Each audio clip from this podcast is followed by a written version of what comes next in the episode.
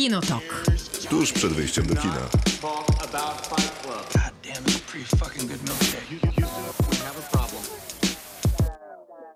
Krzysztof Majewski. Miłosława Bożek. Maciej Stasierski. Miłosławo, witamy ponownie w Och, odcinku. dziękuję za takie Witamy. miłe słowa. Czy chłopcy. jesteś już zdrowa?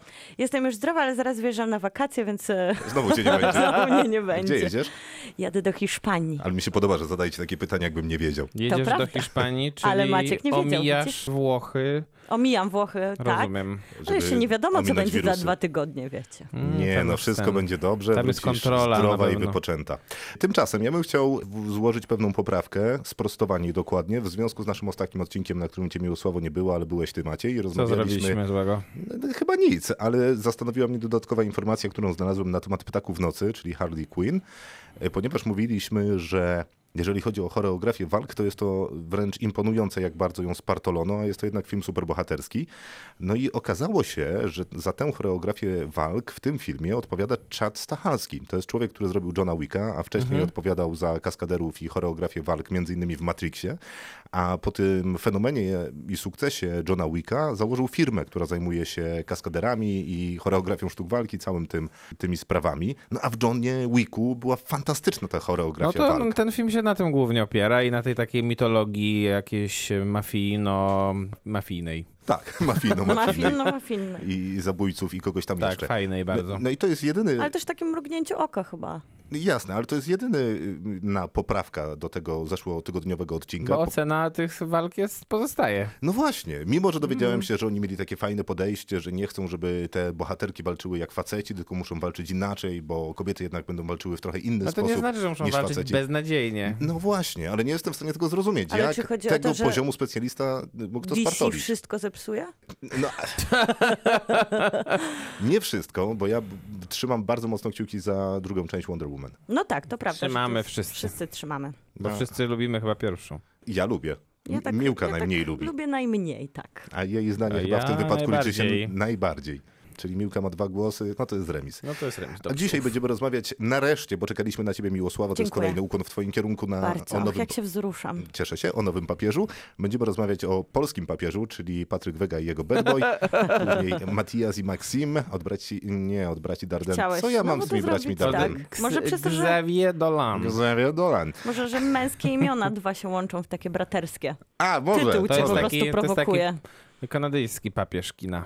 Ale zdaje się, Ale młody, idealnie do pierwszego Ahmed, sezonu. y, który był niedawno w kinach Braci Darden, był lepszym filmem. A na koniec będzie polski fenomen, czyli Kontrola. I raz, że fenomen, jeżeli chodzi o liczbę wyświetleń na YouTubie, bo to pewnie już grubo ponad 30 milionów, jeżeli chodzi o wszystkie 7 odcinków. No ale też zaskakująco sprawna realizacja zaledwie 20-letniej y, autorki z Warszawskiej Szkoły Filmowej. To dzisiaj. Otwierającej drzwi do kariery prawdopodobnie już za niedługo podpisze z jakąś tajemniczą platformą działającą na polskim rynku kontynuację w serialu, który będziemy oglądać pewnie już na komputerach i w telewizji. I to mogłoby wystarczyć jako ten podcast, bo powiedzieliśmy coś o każdym z tych tytułów, a teraz powiemy To dziękujemy. znacznie więcej. Kinotok. Serial. Na początek obiecany nowy papież, serial z recenzją, którego czekaliśmy bardzo długo, więc po części będzie to oczywiście recenzja, ale też jak zawsze dzielenie się naszymi wrażeniami na temat tego drugiego już serialu Paolo Sorrentino, czyli genialnego Włocha, człowieka, który ma na swoim koncie Oscara, któremu zawdzięczamy La Grande Bellezza, czyli wielkie piękno. Jedyny włoski tytuł, który wszyscy chyba znają, bo we Wrocławiu ten film był wyświetlany niepoliczoną ilość razy, między innymi na festiwalu Nowe Horyzonty we wrocławskim rynku podczas lipcowego, gorącego wieczoru. Ludzie rozsiadali się na nagrzanym bruku i oglądali z wielką przyjemnością tę Tak, piękną pamiętam, włoską że- imprezę. Pamiętam, że mój przyjaciel z Watching Close, Dominik Sobolewski, którego pozdrawiam oczywiście, Ja również pozdrawiam. miał, Ja też go miał do mnie bardzo duże pretensje, że nie mógł obejrzeć Wielkiego Piękna na wielkim ekranie w rynku, gdyż akurat wtedy miałem urodziny. I przez całe urodziny ci mówił, Tak, jak że śmiesz. mógł, przy, mógł pójść na ten film, a tak to ja tutaj jakieś imprezy organizuję. A mogłeś zacząć I takim celebruję swoje, swoje. Starzenie. Sorrentino idealnie się nadaje na biforki. O, zdecydowanie. no zwłaszcza wielkie piękno jest w zasadzie stworzone po to, żeby Na oglądać na biforze. wrocławskiego rynku. A później na ten trudny następny dzień można obejrzeć Młodość, y, czyli taką opowieść o starości I jak I sobie bólach z, życia. z tymi bólami życia radzić. A teraz można też obejrzeć nowego papieża na zapętleniu. Myślę. No właśnie, to pytanie do was, czy uważacie, że dobrym pomysłem byłoby zaczynać jednak od młodego papieża, a następnie obejrzeć nowego papieża, czy jeżeli ktoś młodego papieża nie oglądał, mógłby spokojnie pominąć, żeby być w dyskusji, to od razu obejrzeć Myślę, że- nowego papieża? Myślę, że przez to, że czekaliśmy prawie 4 lata na kontynuację, czyli na nowego papieża, to trochę wszyscy jesteśmy tacy wybici z tego, co się wydarzyło w pierwszym sezonie. Jeżeli ktoś nie, e, tak jak ty No pewnie ja Maciek, jestem, w bo- kontynuacji oglądał jeden sezon po drugim, to pewnie tak jak ty i ja, trochę nie pamiętaliśmy, co się wydarzyło w pierwszym sezonie. Mieliśmy kontekst, ale takie konkretne wydarzenia, one się zatarły. 4 Mhm. lata to jest naprawdę długo, no tak naprawdę 3 lata. No właśnie, moim zdaniem można spokojnie ominąć. Moim zdaniem też można spokojnie ominąć i być może masz e, rację, Miłka, że właśnie o to chodzi, że minęły 4 lata i i jakiś tam bagaż doświadczenia pierwszego sezonu nie był mi niezbędny, żeby zająć się drugim sezonem. Więc teraz uwaga, bo prawdopodobnie pojawią się spoilery w najbliższych zdaniach, które będziemy wymawiać, bo będziemy trochę mogą, osadzać tyle czekaliśmy już Być na może, ten ale gdyby ktoś tych spoilerów nie chciał usłyszeć, to proszę przewinąć o około minutę, no to tam już tych Albo spo... 25. albo 25, ale lepiej o minutę, raczej już tych spoilerów się tam więcej nie pojawi. Krótkim słowem wstępu jest tak, że postać pierwszego młodego papieża z pierwszego młodego papieża, grana przed e, Judah Law, w tym momencie jest w stanie śpiączki i tak otwiera się drugi sezon. Tak, Lenny Belardo, czyli Pius XIII zapada w śpiączkę w ostatnim odcinku, a właściwie ma, nie wiem, Tam chyba to, to nie, jest chyba jakiś tak? wy- wylew, zawał, Udar. cokolwiek. No, Ma, ma, jakąś, ma jakąś bardzo poważną chorobę, zapada w ostatnim odcinku tego pierwszego serialu. Potem się dowiadujemy, że miał przejść y, kilka operacji, że te przeszczepy się nie przyjęły. Operacji serca. Tak, operacji serca. No i, Tam i... jest nawet taka śmieszna scena, wybacz, że wchodzę w słowo w pierwszym odcinku drugiego sezonu, w którym lekarze kardiochirurdzy wprowadzający to nowe serce mówią, hehe, to zabawne, to jest serce muzułmanina.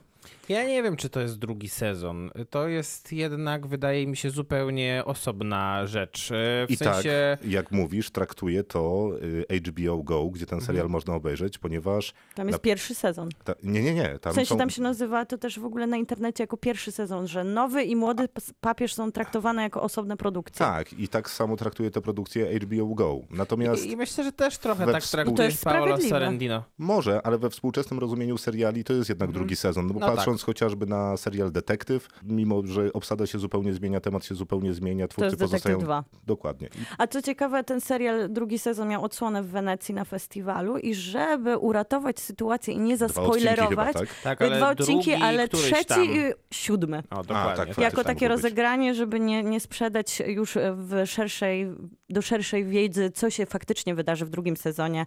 Bo wiedzieliśmy, że będzie nowa postać papieża, ale w jaki sposób ta konstelacja zostanie rozegrana, nie wiedział nikt do samego końca, bo przypomnijmy, że Mamy dwóch nowych papieży. Do Tak. najważniejszych festiwali filmowych w Europie wrócimy za moment. Teraz y, nowy papież. Tym nowym papieżem będzie Sir Brenox, y, czyli postać kontrowersyjna z uwagi na swoją przeszłość rodzinną, ale też bardzo odpowiednia z uwagi na to, że jest y, zwolennikiem drogi środka.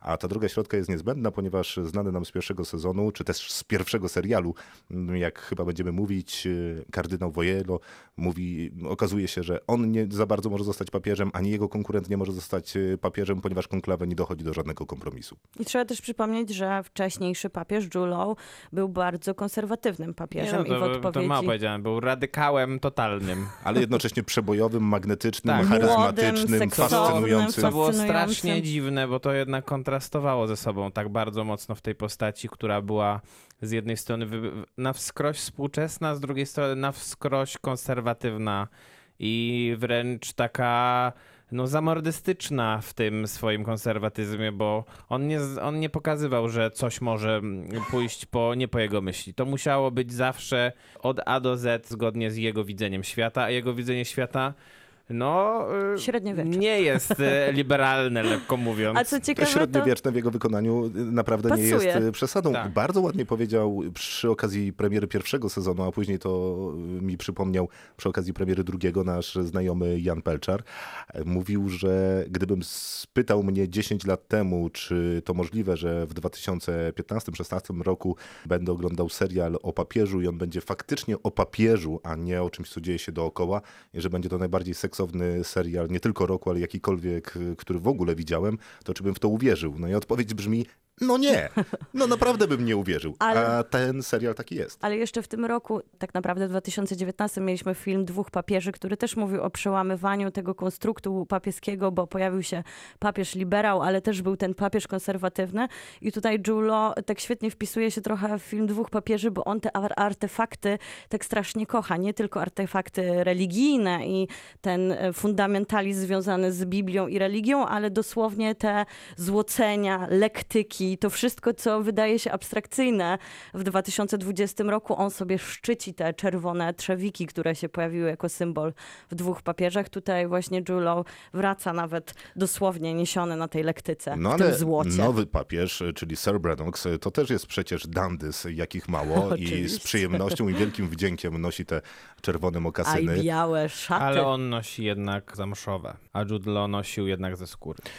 Y, Zamsz to też skóra. Ale no, to z innej, skóry. Tak, tak, z lakierowanej chyba jakiejś- tej skóry, tak. To dandys, On jak się ten- powiedziało, tak. ponieważ kto do niego dzwoni po rady modowe, nikt inny jak Meghan Markle, dokładnie. e, a on mówi, że załóż tę żółtą od Diora, będzie kontrastować z twoją ciemną cerą. Co też e, na przykład podkreśla tuszem na oczach, który tylko zakłada do specjalnych okazji, gdzie nosi świetnie skrojone białe garnitury i tutaj Sorrentino jak zwykle daje swój upust estetyzacji i te garnitury i ten materiał wpisuje się też świetnie w te wnętrza, jego bogate wnętrza, bo zanim zostaje papieżem przecież jest e, brytyjskim arystokratą. No tak, no można byłoby się pomylić, pałacu. czy on jest jakimś księdzem rzeczywiście, jak się go poznaje, bo to jest raczej taki właśnie bardziej lord z Downton Abbey niż tylko, tylko pijący trochę więcej i bardziej uzależniony od narkotyków e, niż, niż, niż, niż bohaterowie tych takich mm, period dramas z BBC.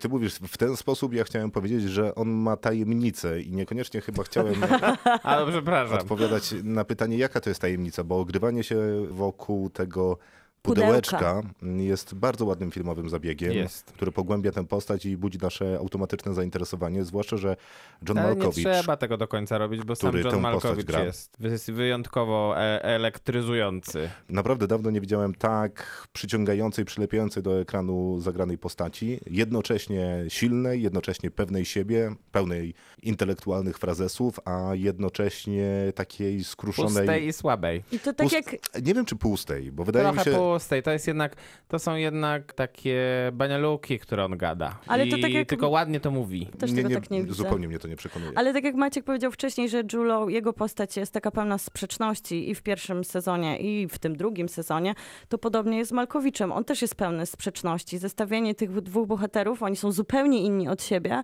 ale oboje tak charyzmatyczni i za nimi stoi zawsze taka trochę dziwna tajemnica ich egzystencji i takich emocjonalnych przybłysków, które dają na zupełnie innej skali, więc aktorsko No tak, ale- oboje są kompletni. No bo- Natomiast, natomiast Mhm. obydwaj, e, obydwu łączy coś, co, e, czego bym się nie spodziewał, to do, do, o czym ty wspomniałeś już wcześniej, czyli ta taka seksualność, która z nimi się łączy, z, z, mimo to, że Jude Law właściwie stawia tamę takiej seksualności na samym początku każdej relacji swojej, która powstaje między bohaterami, Malkowicz strasznie tak na granicy takiego, takiej, takiego dobrego, do, nie wiem, czy można powiedzieć takiego e, kościelnego dobrego smaku to robi, bo on pozwala przekraczać granice niektórym bohaterom No, bohaterom i sobie. y, i sobie i te jego działania stoją tutaj w sprzeczności, mimo że tak naprawdę łączy je to, że są takimi ikonami, uosobieniami jakiejś uwielbienia seksualnego też.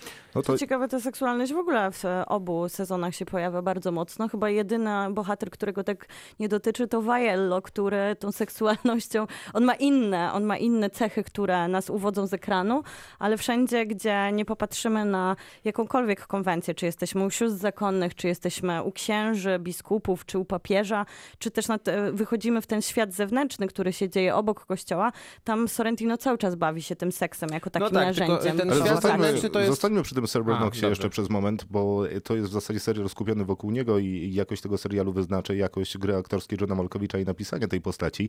Ona jest ciekawa, bo poza tym, że ma tajemnicę, którą Maciek odkrył, to ma jeszcze traumę, co też jest ciekawe, bo ta trauma, czyli śmierć jego brata w młodych latach Co y, ważne, bliźniaka. bliźniaka, trochę Przez to nieakceptacja ze strony rodziny. tak jest, ale też nie I akce- samego siebie. Dokładnie, nieakceptacja samego siebie, no trochę buduje nam tę postać właśnie takich sprzeczności, niepewności, bo Kruchości. mi się wydaje właśnie, że on nie mówi banialuków, że on ma do powiedzenia bardzo dużo mądrych rzeczy i potrafi wybić się na papieską i ludzką niepodległość, ale trochę nie może pozbyć się tego cienia brata, czy zarówno śmierci tego brata, jak i dokonań za życia. I to jest takie cudowne, bo y, on ma w sobie tą niepewność, i którą też przenosi na niepewność do Boga i takie zwątpienie w siebie i w wiarę, a wcześniej Julo miał tego antychrysta w sobie i też to to zaprzeczenie, który, na którym opierał się cały serial, więc oboje dostają takie niesamowitą grę pomiędzy tym, co jest dla nich najważniejsze, ale co stawiają w ciągle w takiej dekonstrukcji filozoficznej,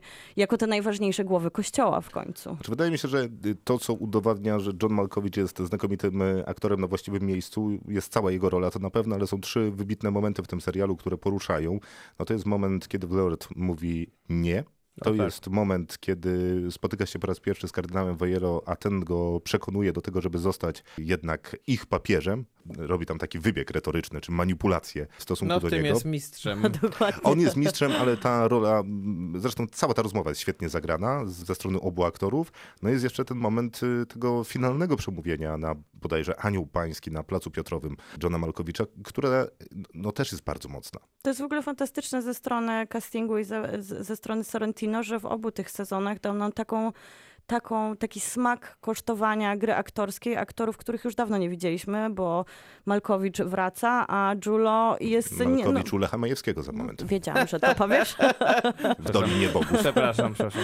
Ale tak, no, ja go już tak dobrze nie pamiętam z ekranu i cieszę się z tego powrotu, w którym on ma naprawdę dużo przestrzeni, żeby udowodnić, udowodnić jak świetnym jest aktorem. Ale I podobnie ten... z Julo, który też e, nie traktowany był na pewno tak poważnie, jak można, przynajmniej jak ja go traktuję po tej roli, którą pokazał nam. Sorrentino w- jest jednak też takim e, zgrywusem, bo obsadza w roli brytyjskiego arystokraty, amerykańskiego aktora, a w roli takiego skrajnie amerykańskiego jednak e, gościa, brytyjskiego z kolei aktora, który jak mówi ze swoim akcentem, to można byłoby się zastanowić, czy jest członkiem rodziny królewskiej. I to też jest takie właśnie granie, z, nawet ze, swoim, ze swoimi po- pomysłami castingowymi, nie? Więc, e, więc tam jest dużo zabawy na poziomie castingu. No a który jest najważniejszym moim zdaniem elementem tego serialu, bo No, prawda. wszystkie praktycznie postaci są po prostu dobrane w sposób wybitny, naprawdę. Ale myślę, że też ważne jest, że on je umiejscawia w takim przepychu sorentinowskim, jak wielkie piękno. Gdyby nie, gdyby nie ta estetyzacja, to, to też nie miałoby tego oddźwięku, więc No to nie wiem, wszystko ja się składa w taką prawdziwą, po prostu naprawdę doskonałą Ja bym chyba bazę. jednak wierzył w te postaci, które grają. Sam kardynał Wojelo jest e, postacią niesamowitą, bo jest e, cynikiem, a jednocześnie jest chyba najbardziej prawdziwym bohaterem tego, tego serialu, bo Mhm. on y, jako jedyny z nich Ma w sobie to pokazuje człowieczeństwo. człowieczeństwo, te swoje prawdziwe emocje, mimo że skrywane, stara się je skrywać głęboko, bo on jednak jest dyplomatą, jest idealnym dyplomatą. Myślę, że rządzący mogliby się uczyć od, od tego, jak, jak im być dyplomatą, żeby, żeby dobrze prowadzić politykę zagraniczną kraju. A z drugiej strony masz tą moją ulubioną, przynajmniej w drugim sezonie, Cecile de France, która jest tym rzecznikiem prasowym Watykanu. Wpływy w tym e, z, w maskulinizowanym świecie są po prostu niesamowite. W jaki sposób ona, z jaką ona sprawnością potrafi, e, potrafi się obracać w tym świecie, jak, jak wchodzić w te meandry tego Watykanu, jak, e, jak bardzo potrafi, no nie wiem, jakby to nie nazwać tego ob- obrzydliwie, trzymać ich wszystkich za jaja, żeby, żeby kontrolować to, co się tam dzieje i żeby kontrolować narrację, która według niej jest jedynie słuszna. I to też jest ten sezon, chyba to, to ty lepiej pamiętasz pierwszy sezon, ale ten sezon też daje więcej miejsca kobietom, bo z jednej strony mamy tą bohaterkę, ale pojawiają się też emancypacja sióstr zakonnych, która też jest takim ważnym elementem. No którego tak, nie było w jedyny, pierwszym jedyny ten sezonie. kobiecy element, który mi nie pasuje i mi nie pasuje generalnie ten element, jeśli chodzi o, i o pierwszy, i o drugi sezon, to jest cały ten wątek z tą Ester, który w pierwszym sezonie powiedzmy, że e, e, ma jakiś taki cel em, uduchawiający i Ale też e, budujący postać y, budujący Piusa postać e, Juda Law właśnie, ale a w drugim sezonie w ogóle tego celu już nie ma. Nie ma, za to jest zakon świętej Teresy, czyli zakon, który jest takim służebnym zakonem y, w stosunku do kardynałów i powiedzmy tamtejszego Watykanu, bo one gotują, naprawiają, załatwiają tego rodzaju rzeczy. Zresztą to I udowadnia... protestują. I protestują. I scena z kardynałem Wojelo, kiedy spotyka się z przedstawicielkami zakonu świętej Teresy, kiedy tłumaczy im, że niestety nie mogą odzyskać y, sprawnie działającego Wi-Fi, ponieważ żeby je naprawić, musiałaby przyjść siostra zakonna z zakonu świętej Teresy i to zrobić. A tak się składa, że te siostry, czyli wy, strajkujecie. I ona pyta, chwila, to chcesz nam powiedzieć, że nie odzyskamy Wi-Fi, dopóki nie przestaniemy strajkować? Mówi, dokładnie.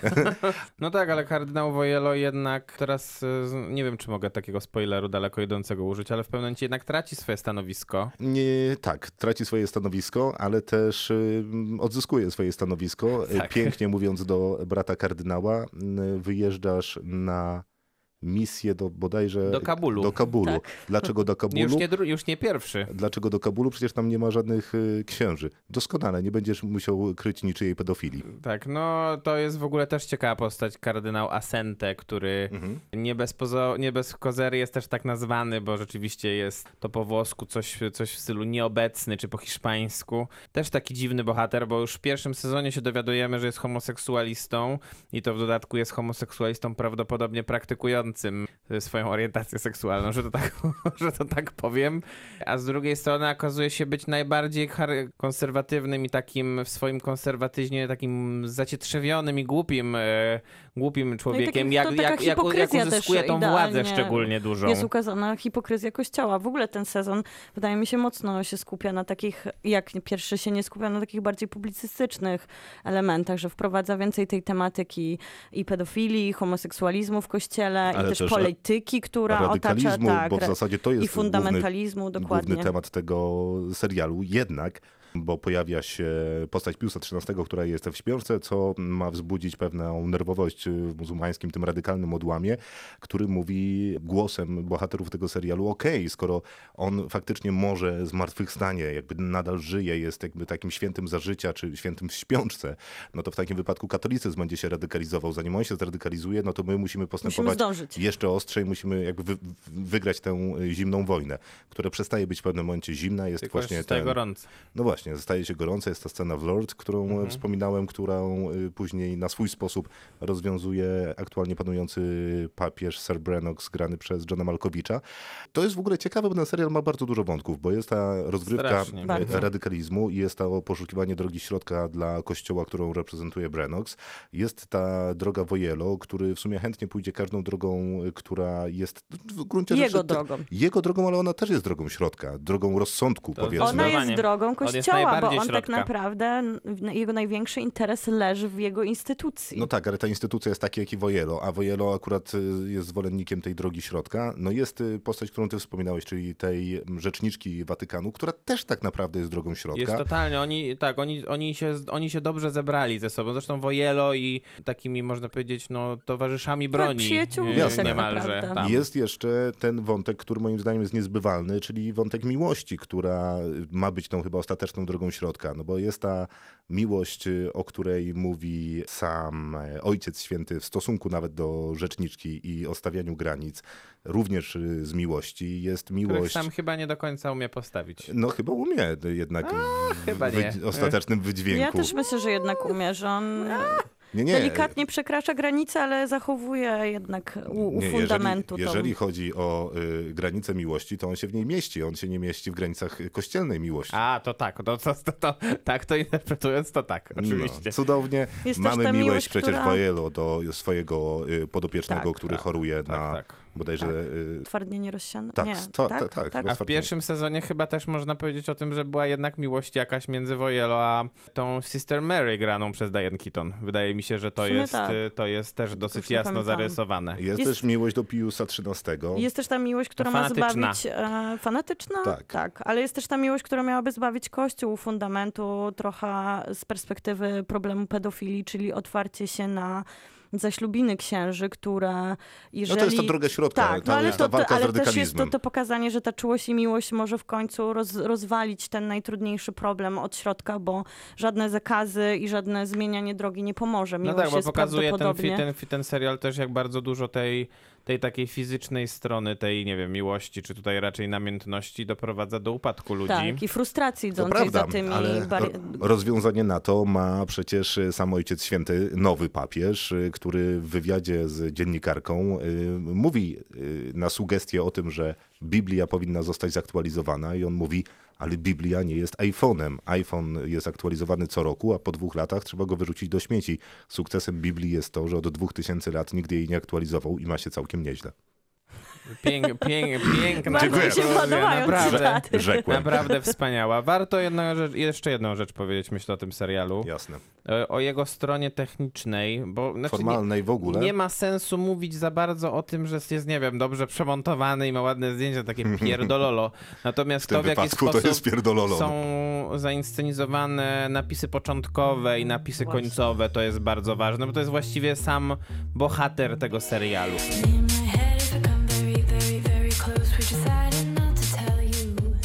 Pierwszym sezonie było to trochę mniej, bo tam, Subtelniej. bo tam było, bo tam jednak było to jednolicie bardzo zrobione. Te napisy początkowe szczególnie były za każdym razem takie same, a napisów końcowych nie było w ogóle, a tutaj i zainscenizowane są początkowe i końcowe, które wyglądają trochę jak jakieś takie wy, wyprawki z bloopersów, a tu się okazuje, że to też są jakieś elementy To fabularne. jest wyborne. Te końcowe Są sceny na tak napisach naprawdę. to jest naprawdę kawał świetnej roboty. I ja wiem, Maciek, że ty nie oglądasz za wiele seriali, ale to zdradzę ci, Nie. To zdradzę ci, że seriale co do zasady raczej nie inscenizują na- scen początkowych i No, wiadomo, że tak, finałowych. wiadomo, że tak. Nie, no to... Nabijam się A filmy też tego nie robią raczej, udane, nie? Więc- udane.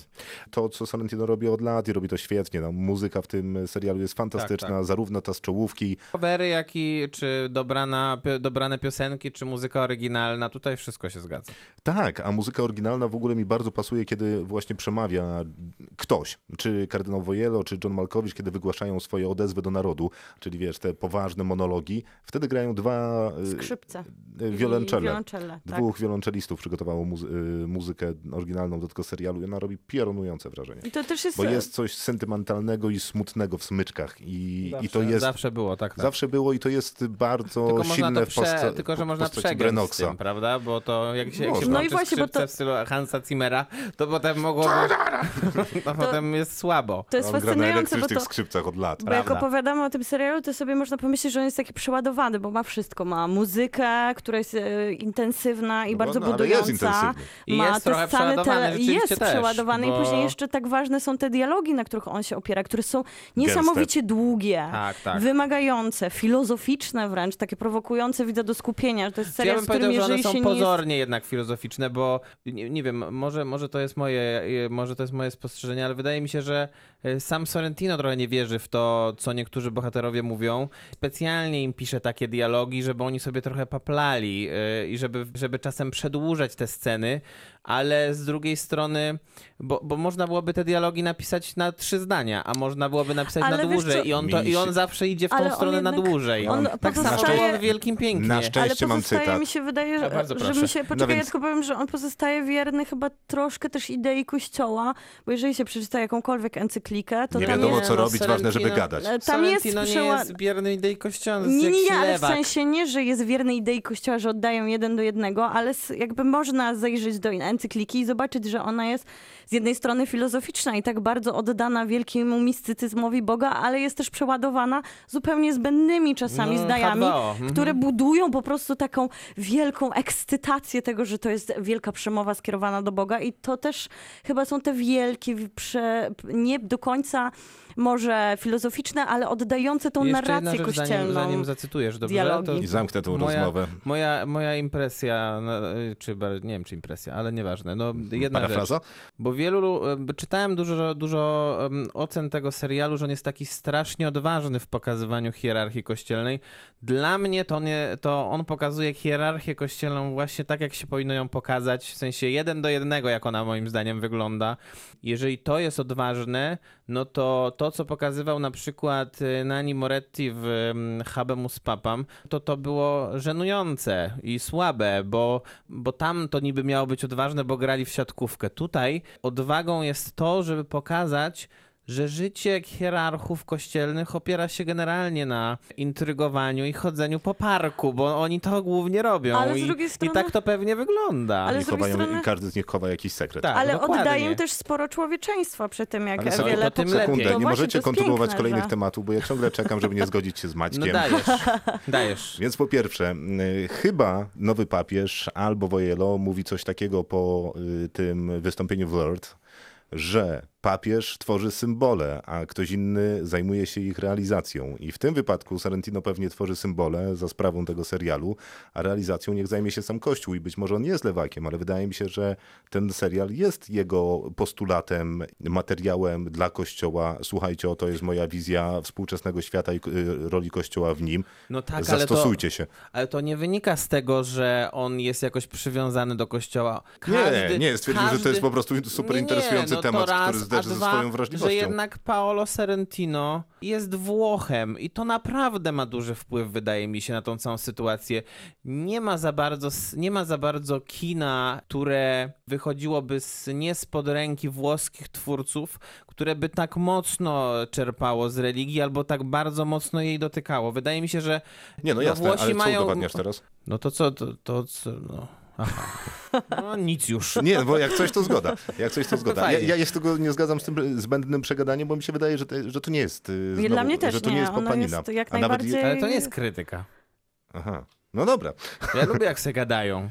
I sobie Ale- można popatrzeć na ładnych ludzi, No, ale wiesz, jak gadają. mówisz paplanina, to brzmi to pejoratywnie. Tak, No to paplanina w sensie puste. pozytywnym. A- Bo może być paplanina taka jak w Sorrentino y, w Wielkim Pięknie, kiedy Jeb Gambardella mówi bardzo nieciekawe rzeczy często, ale po prostu w to, w jaki sposób je mówi, jak układa zdania, to samo w sobie jest dzieło sztuki. A może być paplanina tak jak jest w filmach w konkursie w Berlinie, w których y, nie da się tego słuchać, mimo że czasem mówią mądre rzeczy. Okej. Ale ja też bym zaznaczyła, że to jest taki serial, który mnie prowokuje do tego, żeby zobaczyć go jeszcze raz. Niektóre odcinki na przykład muszę sobie powtórzyć, ponieważ, nie wiem, byłam zmęczona ale i ja, ja mam wybita. nadzieję, że ty nie rozwijasz jakiegoś nowego, długiego nie, nie, nie, tematu. to do tej paplaniny, Tylko tylko, jeszcze że, z 15 minut. że, że czasami, czasami są tak, e, tak przeładowane te dialogi, że wymagają ode mnie większego skupienia No niż to tak, przyzwyczaiły mnie seriale dotychczas i powtarzanie ich sprawia mi przyjemność, więc dlatego oddaję jednak honory, że nie jest to tak No to ja puste, tak robiłem tylko cały czas właściwie. wymaga wręcz ode mnie czasami powtórki, żeby być jak najbardziej w kwintesencji tego, co mówi do mnie Sorrentino. Dobrze, ale ta formalna praca, którą Tarantino, wy... Boże, Tarantino, Sorrentino, ale rymuje się. Tarantino. Sorrentino. Sorrentino wykonuje, czyli zarówno zdjęcia, muzyka, aktorzy, yy, Wszystko. kadrowanie i wszystko, co się dzieje w, tej, w ramach tej sceny, w ramach tego kadru i jego własnej dynamiki, sprawia, że nawet gdyby oni czytali listę zakupów, to to się będzie A dobrze to oglądało. zgadza prawda. się, to się zgadza. To prawda i powinno się to oglądać na dużym ekranie. Na przykład dla takiej Oj, sceny, jak, jak Sharon Stone, kiedy ona pod, przekłada nogę z nogę, no Krzysztof, już miałam ten problem na Kładzie antenie. jedną nogę na drugiej. Kładzie jedną nogę na drugiej i dzieją się tam gesty takie bardzo filmowe, jest to To- takie Dzieją się piękne. gesty nawiązujące do nagiego Oczywiście, instynktu. no do czegoś innego mogłoby to nawiązywać, jak pięknie Sharon Stone wygląda po tylu latach. No, no, Sharon Stone jest elektryzująco piękna, a ten serial jest elektryzujący w ogóle. Kinotok. Film. Patryk Wega i jego Bad Boy jest już w kinach. To jest możliwe, że ośmiu policjantów nie dało panu rady? Otoczyłem ich. Kościotrop grubego. Chcieliśmy zrobić ci niespodziankę i wykopaliśmy go w rocznicę. Wypierdalać tym z powrotem na cmentarz. Ty policjant, ona prawniczka. Jesteście parą od dwóch lat. Brat? Policja. Ruchałaś się z nim? My tylko udajemy. Długo tu stoisz? Wystarczająco, żeby wiedzieć, że nie staje ci do wszystkich dupa, nie tylko do mnie. Patryk Wega odgraża się, że jeszcze jeden film zobaczymy y, jego w tym roku, a w nie następnym... trzy? Nie w tym miesiącu? A, może i w tym miesiącu. A nie trzymamy być, e, mają być ostatecznie w 2020 roku? Nie wiem, Według a Ale zapewnień- to... Czy Według czepiasz się, bo tak ci zapewnień, się nie, nie, nie, według zapewnień rzemieślnika polskiego kina wydaje mi się, że deklarował To jest trzy. marketingowiec polskiego kina. że marketingowiec, który przegrał marketingowo, bo wyniki finansowe pierwszego weekendu Bad Boya są beznadziejne. Tak, Ma- ile ma? Bo ja nie sprawdziłem. Jest poniżej 200 tysięcy ludzi. Uuu, przegrał z Zenkiem. Zenek jednak zaliczył 250 tysięcy Tak w jest. weekend otwarcia. Ledwo Ale- wygrał z 365 dniami, a 365 dni są już trzeci weekend w No, ale kinach. Blanka Lipińska mówi, że 365 dni pobije Claire. To Blanka nie zna się na polskim rynku filmowym. Nie, nie zna się. Pewnie dlatego zwolniła swoją reżyserkę. Prawdopodobnie Jak głośno się mówi. tak Barbara jest. Białowąs ponoć właśnie dwa tygodnie wytrzymała na stanowisku reżyserki. Ale No, powiedzcie mi, widzieliście Wega- reklamy gdzieś tego Bad Boya? Bo to chyba nie jest jakiś mocno reklamowany film. Czy ja po prostu nie, Nie, no chodzę tymi miejscami, gdzie Nie- na mnie patrzy Nie reklama jest tak, żeby Patryka? Patryk Wega się musiał y, Nie reklamować. musi się, nie. No to Nie. prawda, że Nie nie, musi się Ale nie jest reklamować. głośno. O tym jego ostatnich filmach głośniej dużo było. No tak, ale jego ostatnie filmy były zupełnie inno, inną No, tematykę dotykały. pewno, no no. polityka miała reklamę, nie musiała mieć reklamy, aby Ale się przyszło reklamowała 900 jednak. tysięcy ludzi. No jasne, Botox spromował się kontrowersjami. Generalnie jest tak, że Że prawdę rzekł. im mniej Patryk mówi o tym, że powiedział prawdę, im mniej stara się być kontrowersyjny, Tym im mniej się go ogląda. im mniej jest marketingowcem, Tak, tak. tym mniej się go ogląda, ale drugi efekt jest taki, że tym bardziej jakościowe jest to kino. Jest, tak. Przy czym musimy zaznaczyć, że ja naprawdę, to jest przykre, ale z, po doświadczeniach filmów Patryka Weki rozpatruję go jako twórcę i jego filmy w skali od 1 do 5, przy czym ogólna skala jest jednak od 1 do 10.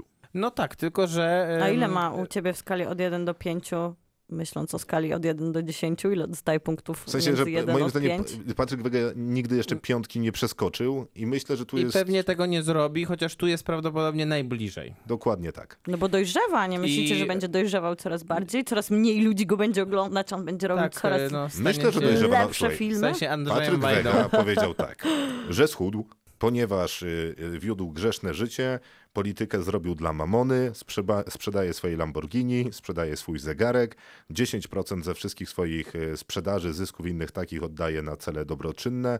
Chwała mu za to, rzecz jasna.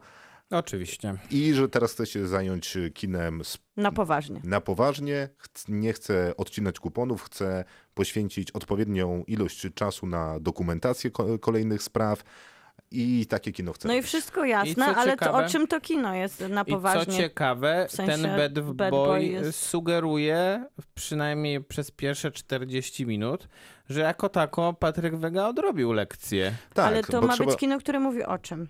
To jest film o on- kibolach i... To jest no film o i- kibolach, a jeżeli chodzi o dokumentację, to trzeba przyznać, że najbardziej przypomina to sytuację Wisły Kraków, tamtejszych Tak. Sharksów i pani Magdaleny K. I to nie Tak. przez prokuraturę, tylko dlatego, że nie pamiętam, jak się kończy jej nazwisko. Ale No, to ma w być taka synteza jest- środowiska, bo ja nie wiedziałam, będę zadawać pytania. To jest taka synteza środowiska kibolskiego? Nie, to jest bardziej chyba prezentacja pewnej sytuacji, która miała miejsce z dodatkiem, z paroma dodatkami fabularnymi, no bo w tej sytuacji prawdziwej nie było tam żadnych braci, którzy rywalizowali ze sobą. Nie było tutaj jakichś takich szekspirowskich pierdół, które tutaj on chciał chyba wprowadzić trochę. Makiawelizmów w tym wypadku. Też tego. No i mm, natomiast y, wydaje mi się, że y, po pierwsze Patrykowi trochę pomaga to, że nie sam pisze scenariusz. I to może być pewna odpowiedź, dlaczego ten scenariusz przynajmniej przez pierwsze te 40-45 minut układa się w miarę w spójną całość i ktoś chyba jako tako też kontrolował go reżysersko ze względu na to, że no nie ma tak bardzo dużo tych wszystkich takich weganizmów, że tak powiem. Znaczy oczywiście są ujęcia z drona, są jakieś Kiepskie takie pościgi sceny, samochodowe. Tak, są te montażowe cięcia, które, które są zrobione w zawsze najgorszym momencie. Przebitki kupione od telewizji. Nie wiem, czy tak było, ale tak to wygląda. Natomiast no jakoś to się oglądało przez Kropka. chwilę. A czy Bo rzecz jest są- taka sekundę. Sprawa wygląda tak, że mamy jednego. Nie, zaczynamy w domu przemocowym. Tak. Jest tam przemocowy ojciec, fan Unii Warszawa. On y, jest przemocowy w stosunku do dzieci, w stosunku do matki. W pewnym momencie ta przemoc w nim wzrasta na tyle, że używa jej bezpośrednio w stosunku do matki. No więc, i gdzie więc zostaje, więc dostaje no, wątrobem. Tak, Od- dokładnie. y, jeden z jego synów y, popełnia tę zbrodnię.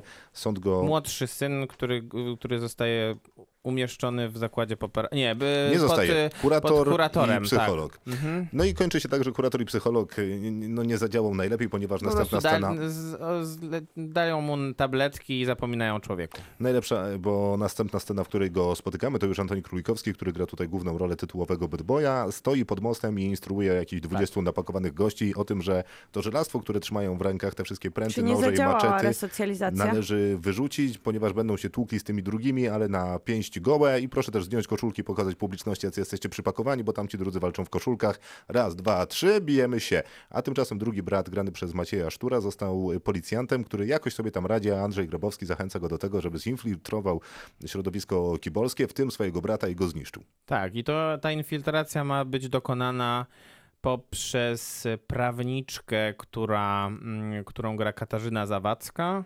Tak, co jest najbardziej absurdalnym wprowadzeniem postaci w historii polskiego kina. Zupełnie bezsensowny jest ten wątek cały. Zresztą y, mm, największy chyba problem z tą całą konstrukcją fabularną jest z postacią Macieja Sztura.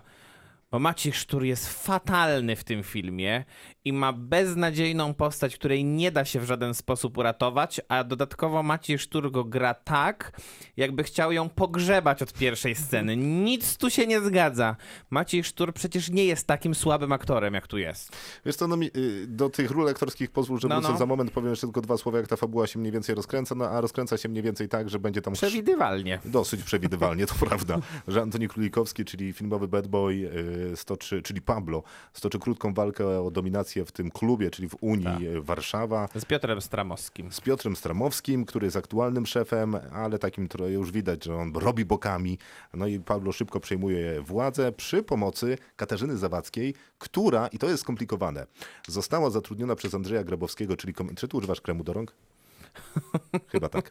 No więc Andrzej Grabowski jest jakimś komendantem, Maciej Sztur pracuje pod nim, panowie wymyślają, że potrzebują Katarzyny Zawadzkiej prawniczki po to, żeby Pablo, wyciągnąć Pablo z więzienia, który chwilowo jest tam w tym więzieniu, w tym wypadku akurat za faktyczną niewinność. No i mm, więc o, ta Katarzyna Zawadzka będzie podszywać się pod narzeczoną Macieja Sztura. Więc idą razem do więzienia. Katarzyna Zawadzka robi takie imponujące wrażenie na ym, Antonim Królikowskim, że ten się zaczyna delikatnie w niej podkochiwać, ale No robi imponujące wrażenie. no robi, robi, więc zostaje też jego prawniczką.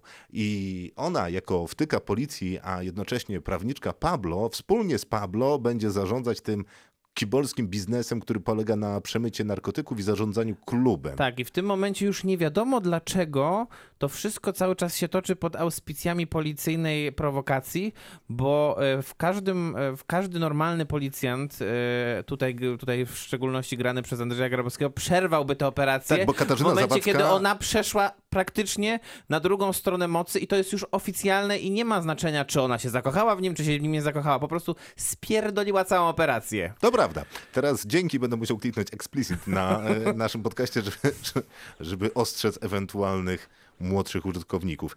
No ale faktycznie tak jest. I nie wiadomo, dlaczego oni dopuszczają do tego, bo to, to, trwa i trwa i trwa i ona nawet przychodzi na spotkania, raportuje, co się stało, wyśmiewa Macieja Sztura i wychodzi. Tak, dokładnie. A ym, dopiero w pewnym momencie Grabowski się pyta, a to ty jednak seks z nim uprawiasz? No tak, a to problem? No a nie? No kurde, no tak, no, No to jest jakby tak. problem, no to jest problem. Ale było jasne, jest tam też Małgorzata Korzuchowska, która gra ex-żonę Andrzeja Grabowskiego. I prokuratora i gra super, Tak, moim to prawda, zdaniem. to naprawdę gra super. Nie, ale to gra tak super, że ja naprawdę się nie spodziewałem. No naprawdę szok. No to możemy pogadać o aktorach. Małgorzata Korzuchowska ma małą rolę, ale okej. Ale jest super w każdej scenie. Dzięki, dzięki. Andrzej Grabowski, no, no jest Andrzejem Grabowskim, Andrzej Grabowski grający gra prze- siebie, ale gra spoko. On zawsze grał u tego Wegi. Nawet jak były te fatalne filmy, to on jakoś tam wypadał, więc... Jest okej, chociaż faktycznie jest tam taki moment pomiędzy nią a, Małgorzatą, a nim a Małgorzatą Korzuchowską, w którym to się zamienia w jakiś taki O nie, komedię nie. romantyczną. To jest niemożliwe w ogóle, że to, że to nie zostało wycięte w, w montażu. To jest szok w ogóle, że nagle jakaś taka muzyczka, tutaj taki jazzik trochę leci, jedzą, idą, poszli sobie na ten, na ciasteczko, cięcie i wracamy. No ale to właśnie nie jest Da, całe...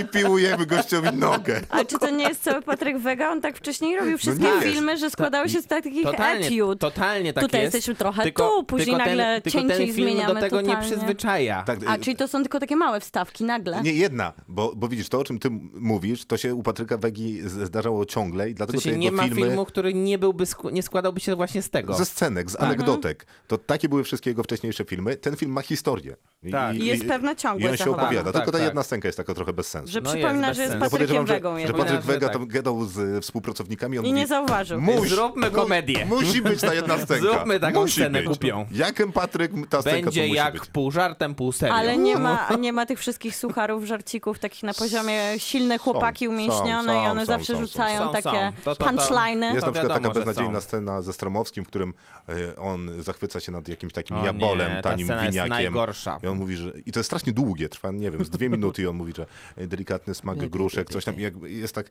Okej, zrozumiałem po pierwszym zdaniu. Po co było jeszcze 12 kolejnych zdań, w którym Tak, on dalej tak. opisuje to wino, że Jeszcze dobre do deserów i czymś tam. Nie, no to Jeszcze jest kiepskie. wypowiedzianych przez Stramowskiego, który, podkreślam to po raz kolejny, jest najgorszym polskim aktorem na ziemi. Ale oni się lubią Znaczy, jest, bardzo. Jest po prostu najgorszym polskim aktorem i nikt mnie nie przekona, że nie jest. Ja się nie będę przekonał, bo wydaje mi się, że akurat to jest jego jedna z lepszych ról, bo Eee, coś tu jeszcze próbuje zrobić. E, Co do Macieja Sztura, to faktycznie to nie jest najbardziej e, udane, ale ja nie miałem te, e, tego wrażenia takiego odrzucenia, które najwyraźniej miałeś. W sensie, No miałem, ja okej, miałem Maciej odrzucenie. Sztur, no dobra, ma, ma, ma straszną Znaczy, rolę do zagrania, taki, ale że- gra tam, odnajduje się Tylko w tym wiesz, plus wiesz jaki minus. jest problem, że jak się go skontraktuje z Antonim Królikowskim, to nie ma co zbierać, bo Antoni Królikowski jest najlepszym posta- najlepszym No aktorem na ekranie, niestety. Znaczy może, ale jednocześnie umówmy się, że Antoni Królikowski ma jako jedyny w tym filmie napisaną Tak. pełnoprawną postać, która I ma początek, środek i koniec i dobrze z tego korzysta. tak, dokładnie. A, a, a Maciej Sztur ma takie popłuczyny, wiesz, jak stand-uper sobie pisze żarty i później któryś odrzuca, to, to właśnie to gra Maciej Absolutnie Sztur. się zgadzam, że Maciej Sztur ma popłuczyny po postaci, tylko że jeszcze w dodatku, tak jak powiedziałem, ją zakopuje w grobie, więc y, no tutaj w tym wypadku się akurat nie zgodzimy. Trudno. Y, Natomiast y, no, Będę z no, tym żył. to Troszkę nie sposób jakby oderwać wzroku od tego ekranu, szczególnie jak jest ten Królikowski na nim, bo on naprawdę w jakiś tam sposób interesuje. Zajm, zajmuje miejsce przed Tak. kamerą, ma charyzmę i ma dużo energii. Tak. To wszystko się z nim zgadza. Zresztą Katarzyna Zawadzka też mi wypełniała Tak, tak, tę przestrzeń. dokładnie. Oni, oni Tyl- dobrze funkcjonują razem na tym ekranie. Ona na przykład zupełnie nie funkcjonuje z innymi aktorami na ekranie, ale z nim bardzo dobrze. A jeszcze inną sprawą jest to, nie no naprawdę, jest 2020 i pisanie takich postaci to już O jest nie, naprawdę jakiś fatalny pomysł. No, Nie, nie, no fatalny to pomysł. jest, to jest jak Ka- kurczę z Podesława Pasikowskiego. Miłka, no. patrzysz z zainteresowaniem, to ci powiem, że każde zdanie, które ona wymawia, ma seksualny podtekst. Oj, totalnie. I to w dodatku w żadnym wypadku część z nich nie 2020. powinna... I większość tych scen w ogóle takiego podtekstu nawet nie ma potencjału, że miała. A ma, a ona mówi... Pewnie Patryk jej kazał tak to mówić. No I... właśnie, bo ja myślę, że to chodzi o Patryka, który potrzebuje mieć akcję, przemoc i seks. Tak, tak, tak, bo ten film miał być tak, y, brutalny Odhaczone, odhaczone, odhaczone. i seksowny. Te dwie No rzeczy na właśnie. pewno. I on jest brutalny, ale nie jest seksowny. Nie, nie jest. I Jest nie. brutalny momentami, momentami tak tarantinowsko w nawiasie, a momenta- momentami jest tak po prostu durnie brutalny, że Tak. już naprawdę nie trzeba kogoś młotkować po genitaliach przez 30 sekund. To Albo odcinać mu nogi i robić zbliżenie na nogę. Mhm. Nie, nie trzeba. Zupełnie nie, nie ma takiej No ale potrzeby. na pewno łatwiej pokazać taką brutalność, niż e, pokazać faktycznie seks. Więc to... Ale nie, tutaj seksu w ogóle nie No pokazuje. właśnie, no bo to- Praktycznie w ogłe nie ma seksu. Scen- Samego stosunku to sceny Nie, nie chodzi mi o takie seksualne sceny- napięcia, że jest sceny bohaterka A nie, tego, seksualne. tego, seksowna. tego, tego Nie, jak- napięcia to już nie, szar- nie szarżujmy. To, to, słuchaj, tu, tu w ogóle nie ma napięcia, bo tak, nie ma seksualnego napięcia, nie ma takiego napięcia thrillera, nie ma napięcia y, w scenach pościgu. Tu, to, to w ogóle jest emocjonalnie to jest płaski film. A sceny seksualne, jakkolwiek y, nacechowane w ten sposób, no, są jednak, no nie wiem, ja bym powiedział, że na granicy jakiejś takiej obrzydliwości. Tam są wszystkie takie sceny, które, które, które miałyby, miałyby wskazywać na to, że ci ludzie mają jakieś życie seksualne i są wszystkie brzydkie. Po prostu te sceny ale- są brzydkie, jak nie wiem, no nie, nie powinienem pewnie mówić takich rzeczy tutaj, ale no jak Maciej Sztur y, masturbuje się przed komputerem, no to naprawdę nie po to chyba Maciej Sztur chodził do szkoły aktorskiej, żeby masturbować się przed komputerem. I tak samo nie po to Antoni Królikowski się uczył aktorstwa, żeby chodzić z, z gołą pomarszczoną dupą e, po ekranie. Ale to z perspektywy wiadomo, nie podobały się wam w większości filmy Wegi, już e, mówiłeś No, zgadza Krzysztof się. o tym, Mhm. jaką niską skalę przypisujesz do jego filmów, ale z perspektywy takiego A to widza, nie jest który... celowe, ja go nie Ale ja wiem, ja wiem. Ale, Ale z Miłka, popatrz, perspektywy- popatrz na to. Mówimy bardzo dużo złych rzeczy o tym filmie, a jednocześnie e, Mówicie po, dużo. wyjściu, po wyjściu z kina e, wymieniliśmy się kilkoma wiadomościami i obydwaj stwierdziliśmy, że to jest prawdopodobnie jego najlepszy film. No ale właśnie z tej perspektywy myślicie, że taki... To złe, to złe, to złe. To, Najlepszy to było, film, To było Patryk. okej, Patryk, No, ale- wygrałeś. Sztos. Najmniej ludzi e, od 10 lat. Piąteczka, No elo. właśnie, ale myślicie, że taki klasyczny odbiorca wegi, który się dobrze Nie bawił wiem, na tych nie wiem, jego nie, wcześniejszych... nie, Właśnie mam To wątpliwości. jemu się to nie będzie podobało, nie, może prawda? nie, co to w ogóle jest? Ja nie wiem, No kim, nie, no ludzie, co to jest którzy, klasyczny nie odbiorca wiem, wegi. Ci, którzy dobrze się bawili na jego wcześniejszych To ja filmach. nie znam, y, y, wiesz, dziesięciu ludzi, którzy się dobrze bawili na Ja też y, nie. jego filmach, więc niestety nie jestem w stanie się odpowiedzieć na to pytanie. Bo tam było przynajmniej śmiesznie, tu nie było śmiesznie. Nie. Prawda? No nie było. Dobra, No właśnie. dosyć tego. Proszę nie iść na Patryka Wegę. Nie, nie iść. No, my byliśmy naprawdę, to nie ma sensu. To był Bad Boy, fatalny film. You do not talk about Fight Club. Kinotok. Film.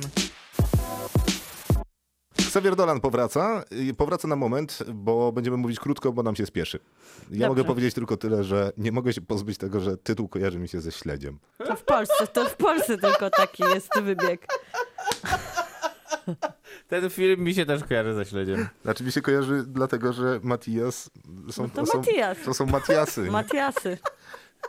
To jest prawda. To jest prawda, ja nie patrzę na ciebie krytycznie, po prostu nie śmieję się tak głośno jak Maciek. Przepraszam, mogę. już się przestaję śmiać. Będę poważnie teraz opowiadał o tym, jak bardzo to był beznadziejny film. Miałeś nie opowiadać, Miłka miała powiedzieć, że to jest dobra. bardzo sympatyczne kino. Okej. Dobrze, to tak szybko wprowadzenie. Mamy Matiasa, Krzysztof uśmiechnij się, jak to mówię głośno, No i to jest Maksima, śmieszne. którzy się przyjaźnią od dziecka. Zaczyna się, ich historia zaczęła się już dużo wcześniej, ale spotykamy ich na wyjeździe, takim klasycznym wyjeździe z paczką znajomych. Jadą nad jezioro, tam się pojawia przyjaciela jednego z nich siostra, to jest, e, wrócimy do tego, i ta siostra robi etiudę szkolną, wrócimy do pewnych symboli, które on tu wykorzystuje. I ona robi etiudę szkolną i zaprasza Matiasa i Maksima, by w tej etiudzie zagrali. No i w tym momencie dzieje się... Przepraszam. I w tej etiudzie dochodzi do takiego spięcia między nimi, które no, prowadzi do, no, czy dochodzi do pocałunku, bo nie wiem, jak tutaj No, spoilerować, ona to, czy nie. Ona to reżyseruje, Ona to tak. reżyseruje, ale oni Ile, mieli ile już jesteś taką... w stanie wytrzymać? Oni Nie już za długo. Oni Wyłączam- mieli też taką sytuację w przeszłości, że się pocałowali na jakiejś imprezie i teraz oni wracają do tej samej sytuacji, tylko ona rezonuje mocniej. Jeden z nich jest zdeklarowanym homoseksualistą, drugi dopiero będzie odkrywał w sobie swoje prawdziwe, swoją prawdziwą seksualność. Poczekaj, no Miłka. i tyle. Maciek, e, możesz dwa zdania, bo widzę, że nie wytrzymasz. Nie, no bo nie, no bo on... Ale z czym się nie zgadza? Przecież Miłka opowiedziała tylko opowiedziała mniej więcej, co- co się dzieje. fabułę, tylko że to wszystko prowadzi do tak banalnych rzeczy i tak żenujących dla mnie, z mojego punktu widzenia, naprawdę. Ja wiem, jak to jest odkrywać swoją seksualność i tak się tego nie robi, jak to robi Xavier Dolan. No, ja nie, ja nie z tej perspektywy czytam ten film, ale też warto chyba zaznaczyć, że tutaj e, Xavier Dolan zaprosił do filmu faktycznie swoich Siebie. przyjaciół. Oczywiście, że siebie. Obsadził się w roli głównej, on jest Maksimem. I zaprosił swoich faktycznych przyjaciół, w sensie takich, których ma na co dzień. I to widać w tym filmie, ponieważ on nas zaprasza trochę za zamkniętymi drzwiami. Wchodzimy na imprezę, gdzie siedzą ludzie na kanapie, piją piwka, palą, rozmawiają i on nas zaprasza do tego grona. My siadamy i czujemy się swobodnie przez cały film, tak jakby faktycznie był, była to nasza grupa przyjaciół i widać też, że oni się na ekranie czują swobodnie i te relacje, które były wcześniej gdzieś utarte, one rezonują fajnie i to jest taki czuły film i tutaj ja chciałam właśnie wspomnieć o tym, pozdrowić Jana Pelczera, ale ten mem już e, fruwa po całym internecie, więc to nie czy jest... Jan Belcher jest jakimś leitmotivem tego Jest, no bo jednak dzisiaj? on, on Próbują wrzucił... memy o Janie Pelczarze? Nie, fruwają memy o odniesieniu do Matiasa i Maksima, gdzie widzimy Rosa i Chen, nie, Joego i Chandlera, którzy siedzą razem A, na tak. kanapie. I to jest dokładny kadr, czerwony tak, kadr i- dokładnie taki jak z e, Matiasa i Maksima, Nawet kiedy z oni siedzą na tej kanapie, zaraz przed tym pocałunkiem, który wszystko zmienia. I wydaje mi się, że to jest właśnie ten portret 30-latków, taki z perspektywy Xaviera Dolana, który ma lat 30 i tyle ma jego otoczenie i znajomi. I trochę przecież tyle mieli lat bohaterowie przyjaciół, którzy też byli takim środowiskiem. Wydaje się, że to było tak dawno temu i wcześniej ludzie dojrzewali inaczej, ale oni też długo dojrzewali, żeby znaleźć się w życiu takim dorosłym, w cudzysłowie. I, I gdzieś to jest to odniesienie do przyjaciół, którzy żyli tak razem mocno, tak dobrze się znali, prowadzili takie e, bardzo lekkie życie. I tutaj jedynym bohaterem, który takiego lekkiego życia nie prowadzi, jest, jest Matias. Krzysztof. Dokładnie, bo on siedzi cały czas w tej puszce, no. No więc jest, jest ten po- po- intymny poczekaj, klimat, Maciek, który... Maciek, umówmy się. Na, Przestanę używać tego twojego żartu, dobrze. Mhm. dam ci minutę na koniec. Dobrze. No więc jest ten intymny klimat, który on buduje, zapraszając nas do tego, do, do swojego grona. O, to jest wszystko oczywiście takie podszywane klasycznymi dialogami, jakbyśmy stali gdzieś na imprezie i słyszymy, jak się wymieniają jakimiś hasłami z popkultury. No i e, tutaj chyba faktycznie się zgodzę z Maćkiem, chociaż mi to nie przeszkadza, że e, Dolan nie słynie z subtelności i na pewno Matias i Maxim e, subtelny nie jest w takim trochę łopatologicznym przekładaniu jeden tak, do jeden. Ale my z- recenzowaliśmy, znaczy recenzowałeś już ten film, kiedy mieliśmy naszą wspólną audycję.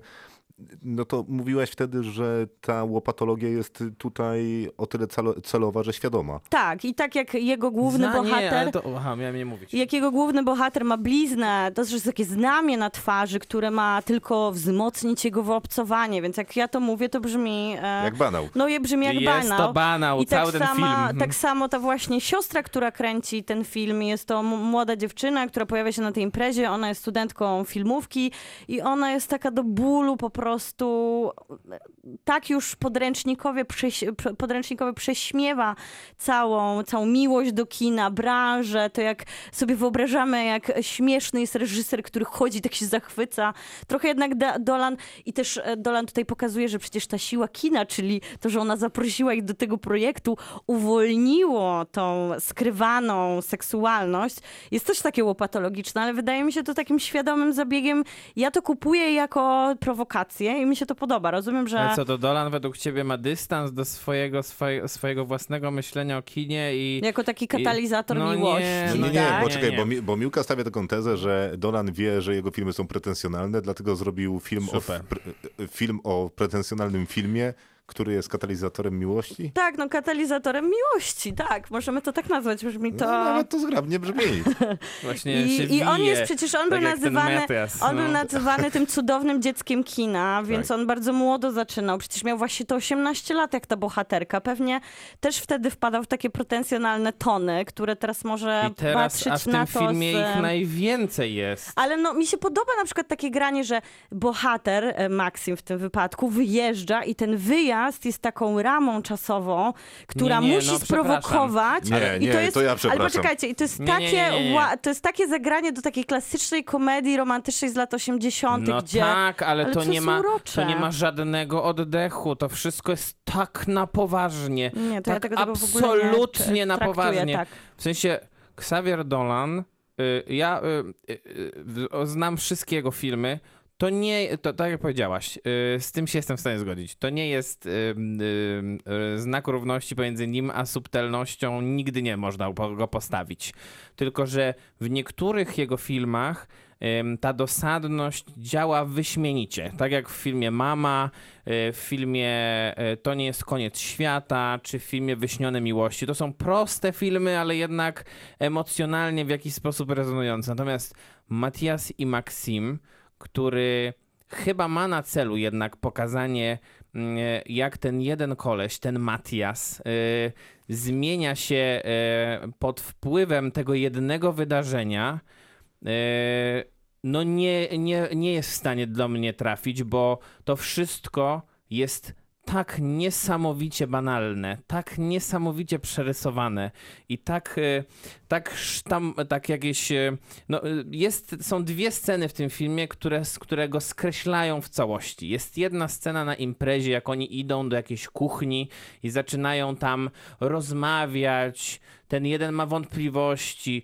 ten go całuje, się przytulają, a potem wychodzi em, Maksim na, na ulicę i zaczyna padać jakiś taki biały, biały śnieżek. Em, I jeżeli to ma przypominać cokolwiek, co miałoby jakiekolwiek e, prawdziwe emocje pokazywać, no to niestety, ale z Xavierem Donanem się rozminęliśmy o parę kilometrów dobrych, bo y, to, że nie ma tutaj subtelności, to to jest, to to jest stwierdzenie oczywistości. Natomiast to, że nie ma tutaj e, żadnych prawdziwych emocji dla mnie, to to jest niestety też stwierdzenie oczywistości. Ten film mnie bardzo mocno irytował tą swoją taką prostacką niemalże wizją tego, w jaki sposób rozwija się ta relacja między nimi. Ci bohaterowie nie są wcale ciekawi. E, niektóre sceny są kuriozalne. No, scena, w której e, Maxine rozmawia przez telefon po angielsku z jakąś kobietą, do której ma, z którą ma umawiać swoją, swoją trasę, to jest e, naj, jedna z najbardziej takich cringe'owych scen tego roku w ogóle. I em, tak samo wygląda scena finałowa tego filmu, która rzeczywiście ma przypominać e, komedię romantyczną, ale no ośmiesza tą wizję. Znaczy ja rozumiem, że, bo to no, na pewno nie są tamte dni, tamte noce, kiedy czujemy No razem dokładnie. z bohaterami motyle w brzuchu, kiedy oni się zakochu- zakochują w sobie, a tam też jest przecież ten motyw przebudzenia i wyparcia, ale mi się zupełnie, ja zupełnie mam inaczej niż ty, bo dla mnie tak jak mówimy o całości Xaviera Dolana, to on ma zawsze filmy takie nierówne. Raz ma film, który mi się bardzo podoba, no później ma e, film, który zupełnie w ogóle nie, nie wybija z tego, co czułam do jego wcześniejszej twórczości. Znaczy, ten film I pokazuje- Maxim, i Maxim bardzo, jest... mnie, bardzo mnie cieszy wasza dyskusja. Ten, Naprawdę. tylko jedną rzecz jeszcze Nie, nie powiesz. Ten film Powiesz? pokazuje, powiem, Powiesz? ten film pokazuje bardzo dobrze, że Xavier Dolan jest bardzo dobrym reżyserem, bo potrafi opowiadać obrazem, ale nie potrafi pisać scenariuszy i czasem ta jego reżyseria Dobra, wystarcza, koniec. a tutaj Podaję- jej zabrakło. Podaję przepis to na śledzia w śmietanie. Uwaga, Ale weź dwa Matiasy. ja jednak to jest polecam najgorszy żart w moim sprawdzić. życiu, więc będę się nim cieszył. E, Jednak polecam sprawdzić, Nie czy to polecam. jest romantyczny film i ocenić to No nie, na no. własną wrażliwość, bo film jest bardzo romantyczny. Oczywiście, że należy go obejrzeć, ponieważ Nie, nie, nie. dwie Wcale osoby nie. go obejrzały i bardzo się nie zgadzają, no to przecież nic lepszego jak obejrzeć.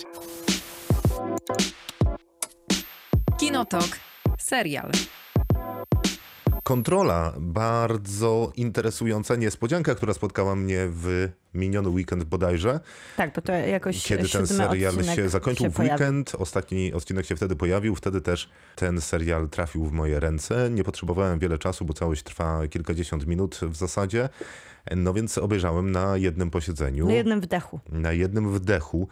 E, zwłaszcza, że kiedy obejrzałem, doczytałem na YouTubie, bo tam ten serial można oglądać. Wśród komentarzy i innych takich rzeczy tam pojawił się mój pierwszy rese- research, że najpierw powstał pierwszy odcinek, a później po prostu ludzkość powiedziała, no halo, to dajesz nam taki pierwszy odcinek, a nie dasz nam kolejnych, no i te To jest kolejne nawet zaczęły powstawać. To jest nawet ciekawsze, bo zacznijmy od tego, że reżyserka ma 1 na 20 lat, nazywa się Natasza Przymies i jest studentką filmówki warszawskiej w tym wypadku.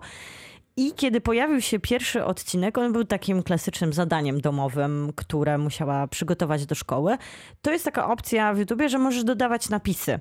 Mm, I ponieważ ona ma, jak się okazuje, wyczytałam dużo znajomych, którzy po polsku nie mówią, obcojęzycznych, to dodała od siebie napisy po angielsku.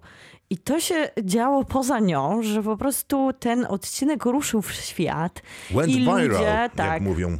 I ludzie sami zaczęli tłumaczyć z angielskiego na własne języki, więc mamy chińskie tłumaczenie, nawet brazylijskie tłumaczenie. Po prostu internet wykorzystał ten angielski na, natłoczony i przetłumaczył sobie pierwszy Na- odcinek na dalej. swoje. Tak, i Natalia Na- Natasza nagle została zasypana informacjami z całego świata. No i co? Jakby co dalej? No tak, i pierwszy odcinek zaliczył jakieś milionowe liczby, jeżeli Tam jest chodzi o... 12 chyba i pół miliona w tym, W tym momencie, ale gdzieś tam na początku mówię o tych milionowych odsłonach, faktycznie było tego bardzo dużo. W sumie No, a ten 27 zaledwie- milionów razy został odtworzony sezon, ten, który już Jasne. mamy teraz. A, a jak się okazuje w pierwszym odcinku, który ma zaledwie kilka minut, no bo chyba trzy, jest Nawet to chyba nie całe, no. krótka zajawka pewnej niedopowiedzianej, kiedyś zaczętej, teraz nieskończonej, ale w przelocie miłości dwóch dziewczyn. Jedna z nich e, pracuje w Straży Granicznej na lotnisku.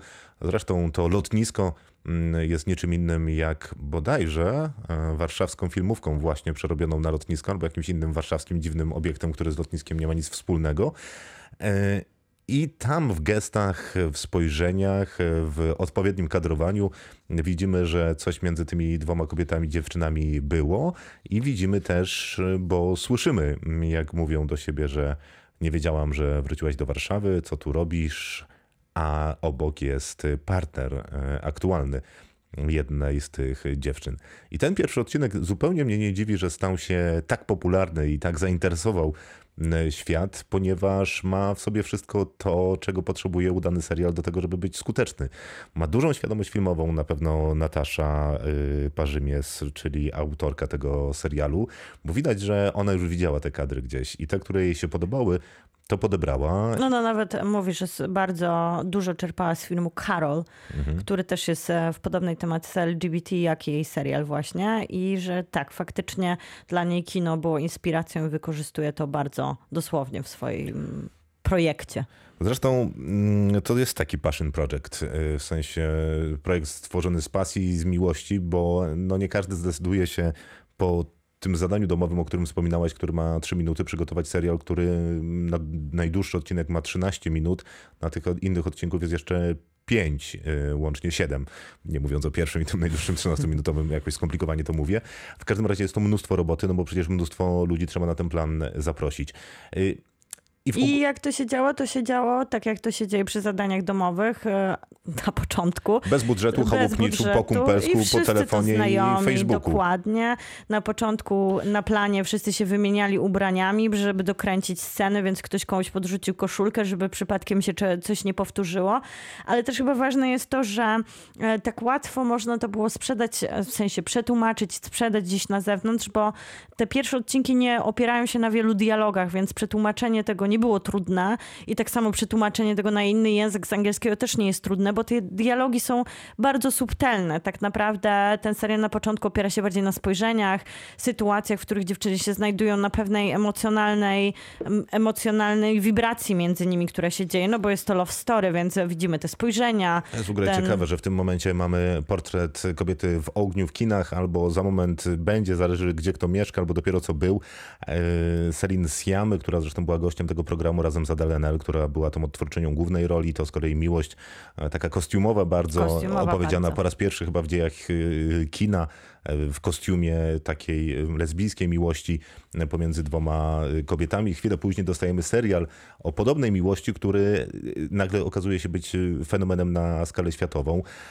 To co, jeszcze mu, to, co jeszcze mu pomaga, to ten format krótkiego odcinka, który świetnie się przydaje YouTube'owi, bo można jechać autobusem, tramwajem i po prostu te trzy minuty, nawet na telefonie, bo ten format też filmowy z jednej strony czerpie dużo z filmu, ale też czerpie dużo z takiego klasycznego teledysku, czegoś, do czego nas przyzwyczaił YouTube. Mhm. Więc mamy e, kolory, sceny, które już tak, to światło, które jest takie teledyskowe, to wszystko idzie po prostu idealnie w pakiecie, że włączamy darmowy odcinek i oglądamy go na naszym Ciekawe, dużym co- smartfonie. Ciekawe, co by powiedział Michał Marczak, gdybyśmy powiedzieli, że wszystkie nieprzespane noce też mają taki teledyskowy charakter i dobrze Słuchaj, oglądać na telefonie czyta- komórkowym. Czytając recenzję, ten kontrola jest przyrównywana do, do wszystkich No nieprzespanych bo to jest nocy. naturalne skojarzenie akurat, y, biorąc pod uwagę kolorystykę i też y, bohaterów, których mamy na ekranie. Tak jak we wszystkich nieprzespanych nocach mieliśmy chłopaków i dziewczynę, którzy nie bardzo wiedzieli, co z życiem robić, ale wiedzieli, jak spędzić wieczór i kawał nocy i pewnie niezły kawałek poranka. Tak, y, możemy sobie wyobrażać, że akurat te osoby, które są w tym serialu, to też są tacy ludzie, mm, trochę zawieszeni w beznadziei codzienności, bo na pewno są dobrze sytuowani, wszyscy są świetnie ubrani, wszyscy żyją w dużym mieście, słuchają niezłej muzyki mają dużo mm, znajomych. Są tolerancyjni, wykształceni, mądrzy z dużego miasta, więc jakby wszystko się zgadza, no ale jak się okazuje w takich życiach też y, nie musi Są być problemy. idealnie. Ale to jest ciekawe, bo wszystkie Znaczy nieprzespane problemy noce... serii y, No, e, Złamane sercowe, serca. oczywiście. Tak. Wszystkie nieprzespane noce i kontrola to są bardzo połączone ze sobą projekty, To jeszcze ale y, też ludzie... inteligencję powinniśmy tutaj dorzucić. To Też- zupełnie bez żartów. Ludzie pisali, twórczyni do reżyserki wiadomości oglądającej Też napisałem z prośbą, świata. z prośbą o wywiad, ale nie odpisałam E, niestety. I słuchaj, i wszyscy pisali, pierwszy raz spotykam się z polską kultu- kulturą i myślę, że wszystkie nieprzespane noce Marczaka i Kontrola pokazują jakiś taki fragment Polski w sposób bardzo charakterystyczny i też, e, no, też procentowy, bo tak wygląda pewnie Warszawa, może Wrocław, może Kraków, nie cała Polska, ale to ciekawe, że młodzi ludzie No, taki sobie właśnie obraz e, dzięki kontroli malują. No i to jest jakby okej, bo z jednej strony to jest w porządku, bo jakby pozbywamy się pewnych e, kompleksów, Oczywiście. że żyjemy gdzieś na rubieżach Europy. A z drugiej strony to jest oczywiście taka narracja pewnej społecznej, uprzywilejowanej Mhm. grupy, że Przyjaciele. tak, że moja bluza kosztuje y, 350 zł i opowiadam o takim akurat wycinku rzeczywistości, co do czego no nie mogę mieć jakiegoś specjalnego Nie, zarzutu. to nie, no. to bardziej ciekawostka niż e, zarzut. Bo jednak będ- będąc uczciwym, e, jedna z głównych bohaterek pracuje w kawiarni, a druga z głównych bohaterek Na lotnisku. na lotnisku, czyli tam Straży Granicznej najprawdopodobniej to będzie Straż Graniczna. No więc to też nie jest jakaś e, super świetnie sytuowana gru- grupa społeczna, chociaż pewnie całkiem dobrze. Kolejnym, myślę, kolejnym elementem, który przyłożył się do wielkiego fenomenu i tego, jak, jak dużo ludzi zobaczyło ten serial, nie tylko w Polsce, na świecie, jest to, że porusza tematykę LGBT, która wydaje się, że coraz częściej możemy ją spotkać w filmach czy serialach, ale faktycznie nie jest to jeszcze tak mocno zagospodarowany temat z perspektywy polskiego serialu, zwłaszcza. Więc to, że jest to romantyczna historia dwóch kobiet, też dodaje nowego em, aspektu narracji. A z drugiej strony ta historia jest podobnie jak dzisiaj rozmawialiśmy o filmie Xavier, Xaviera Dolana, czy wracając do mm, Call Me By Your Name, to jest po prostu bardzo romantyczna historia i to, że to są No dwie właśnie. dziewczyny nie ma aż takiego znaczenia. Ja jakiś- Ale ma. Ja mam jakiś problem z tym, jak się mówi, że to jest e, serial reprezentujący LGBTQ, e, bo No tak mówi sama, Być- sama Natasza. Ja rozumiem, i być może należy to mówić, e, zwłaszcza u nas w tym momencie, ale z drugiej strony, no, e, chodzi mi o to, że no jakby to jest po prostu romantyczna historia dwóch kobiet. No, jakby No tak, nie muszę no. do tego dorabiać. Mm, Ale sama, sama twórczyni mówi, że skoncentrowała się na tak takim, mówić. na takim temacie, bo wiedziała, że ten temat nie jest jeszcze tak wyeksplorowany Słusznie, w polskiej rzeczywistości. słusznie, Trzeba też słusznie. przyznać, że z jednej strony kolejne odcinki przy, powstały oczywiście przy e, w, wsparciu crowdfundingowej zbiórki, która Mhm. powstała w ramach tego, żeby dokończyć serial, ale też Parada Równości na przykład dorzucała się do tego, Tak, więc jednak jasne, ta jasne. tematyka LGBT że tak. jest tutaj. I e, Żeby trzeba tak- też powiedzieć, że na początku to było tylko parę osób, wiadomo, filmówka, znajomi, pomagamy Słuchaj, sobie. ja mam tu listę 150 ludzi. osób później, co widać przy siódmym odcinku dopiero, jak tam wiele osób uczestniczyło w produkcji i powstawaniu. Nawet youtuber Grabari, którego pozdrawiamy, e, się pojawia tutaj jako dostawca kanapy. I wszyscy, którzy w projekcie brali udział, oczywiście robili to pro bono. I dobrze, bo myślę, że z jednej strony to już, to już jest potwierdzone. Natasza już rozmawia z e, jakąś Tak. tajemniczą platformą, która działa na polskim rynku. Gdyby ta tajemnicza platforma działająca na polskim rynku nie zrobiła tego ruchu i nie odezwała się do Nataszy, To by był wielki błąd. to by był biznesowy błąd. Ale Y, Oddając na szczęście mają co cesarskie. Y, Ada Chlebicka, Ewelina Pankowska. Mam nadzieję, że kiedyś usłyszę te słowa. Fenomenalne role, y, bardzo dojrzałe, biorąc pod uwagę, że to są aktorki, które mają już pewne doświadczenie serialowe, ale raczej niewielkie. Tutaj główne role, które dźwigają na swoich barkach bez żadnego problemu, zupełną naturalnością aktorek, y, charakterystyczną dla aktorek ze znacznie większym doświadczeniem. Chapoba wróżę y, naprawdę znakomite kariery, a jeżeli się nie wydarzą, to mam nadzieję, że chociaż się wydarzą jakieś role w najbliższym czasie, bo po prostu chciałbym je zobaczyć na ekranie raz jeszcze. Obie kamera uwielbia i po prostu y, jest ich bardzo dużo y, przed tą kamerą, a to wcale nie jest łatwe być charyzmatycznym przed kamerą i w ogóle przed nią być, więc robota świetna, zdjęcia też y, robią naprawdę niezłe wrażenie. No i reżyserska robota musiała być tutaj wyjątkowo trudna, bo nie tylko 150 osób do nadzorowania, ale także brak pieniędzy, y, pewnie nie tak znowu wielkie doświadczenie w tego rodzaju produkcjach, a być może nawet niewielkie lub żadne, więc dla reżyserki dodatkowe mm, pochwały i żeby nie było tak różowo, to zdaje się jednak, że nie udało się Nataszy uniknąć pewnych y, powtórek y, i kalek z, mm, z mm, filmów romantycznych, melodramatycznych. Tych y, rzeczy trochę tutaj jest. Pewnie produkcyjnych y, niedoskonałości znajdziemy No, też parę, też, zwłaszcza ale jak na taki finałowym a, no, odcinku, no, to, to tam już jest, gdzie naj, jest naj, najwięcej. gdzie jest impreza, no tego na przykład wszystkie nieprzespane noce mm, tam No to by sobie nie pozwoliły. nie pozwoliły, robią to bezbłędnie, E, ale oczywiście przykładając odpowiednią skalę, to jest to bardzo dojrzała i bardzo No to- profesjonalnie przygotowana produkcja. Miałem problem z takimi rzeczami, y, które Czekaj, być czekaj, zanim powiemy problemem. o problemach, to ja wrócę jeszcze do tego, że tutaj e, był Filip e, Pasternak, ale ważna jest Magdalena Kapczyńska i Aleksandra Rudzińska. To są bardzo wtedy młode, bo za dwu- 20-letnie kierowniczki produkcji i to one załatwiły, że na Wydziale Matematyki i Nauk Informacyjnych A, e, tam było lotnisko. w, Polityk, w Politechnice Warszawskiej został zbudowany taki szklany budynek, e, znaczy tam były już podwaliny do tego i one stworzyły lotnisko i one nawet właśnie załatwiły bramkę bezpieczeństwa pożyczoną z głównego gmachu uczelni, więc e, to dziewczyny z Uroczo. produkcji e, oddały ten element Załatwiaczki. Mm, Tak, i że to nawet jeden z wykładowców, bo to przecież zadanie domowe było na początku, a tam tą, te lotnisko widzimy w pierwszym odcinku, po prostu nie mógł uwierzyć i mówi, jak wyście weszli na to lotnisko, więc e, nawet filmówce dali się nabrać, że wszystko wyglądało jak należy. Przy żadnym budżecie i przy zadaniu domowym to naprawdę szapoba za ten pierwszy odcinek to wszystko bardzo profesjonalnie wyglądało. Ja natomiast mówiłem o całym serialu. W zasadzie to nie będę się czepiał. Zastanawia mnie tylko, dlaczego chyba w drugim lub trzecim odcinku, kiedy panie spotykają się ponownie, jedna z nich decyduje się jednak na utrzymanie kontaktu, wraca i na kartce pisze numer telefonu, bo mam wrażenie, ale być może mylne, bo już do młodzieży więcej nie należy, więc co ja tam o nich wiem. No ale kto jeszcze się wymienia numerem telefonu? Nie pisze się po prostu na fejsie do siebie? Albo na innym Ale komunikatorze? e, ona daje kartkę w momencie, kiedy się poznają pierwszy raz. Kiedy jedna z nich pracuje na stacji benzynowej i druga tam wchodzi i No, po no, prostu no, patrzą no, sobie no. w oczy, no to jak się mają znaleźć na Facebooku, jak ona jest Nie wiem. obcą jej osobą Bierze druga. się, bierze się czyjś telefon i się tam wpisuje swoje dane Ale ona jest z dodaje? dziewczyną. To jest, No to rozumiesz? prawda. I to może jest takie To szybkie o to chodzi, że to jest szybkie, że ona niby coś chwyciła, a tam była karteczka, jakby się zaczęły wymieniać numerami telefonu, no to oficjalnie byłaby to zdrada, więc jednak Ach, zapomniałem, bo miałem powiedzieć o jeszcze jest- dużym pozytywie. Mm, Pies chyba nazywał się Korek. tak się nazywał, wspaniałe. Chcę tego psa. Ale jeszcze jest jeden świetny pozytyw, mrugnięcie okiem na temat e, tego, co się będzie działo z serialem Kontrola, czyli ostatni, ostatni moment e, siódmego finałowego odcinka, gdzie jeden z bohaterów mówi bardzo uroczo o tym, e, co, co się dzieje jakby między następnymi bohaterkami, określając to, i to nie będzie chyba żaden spoiler, ch- chyba przed nami kolejny sezon.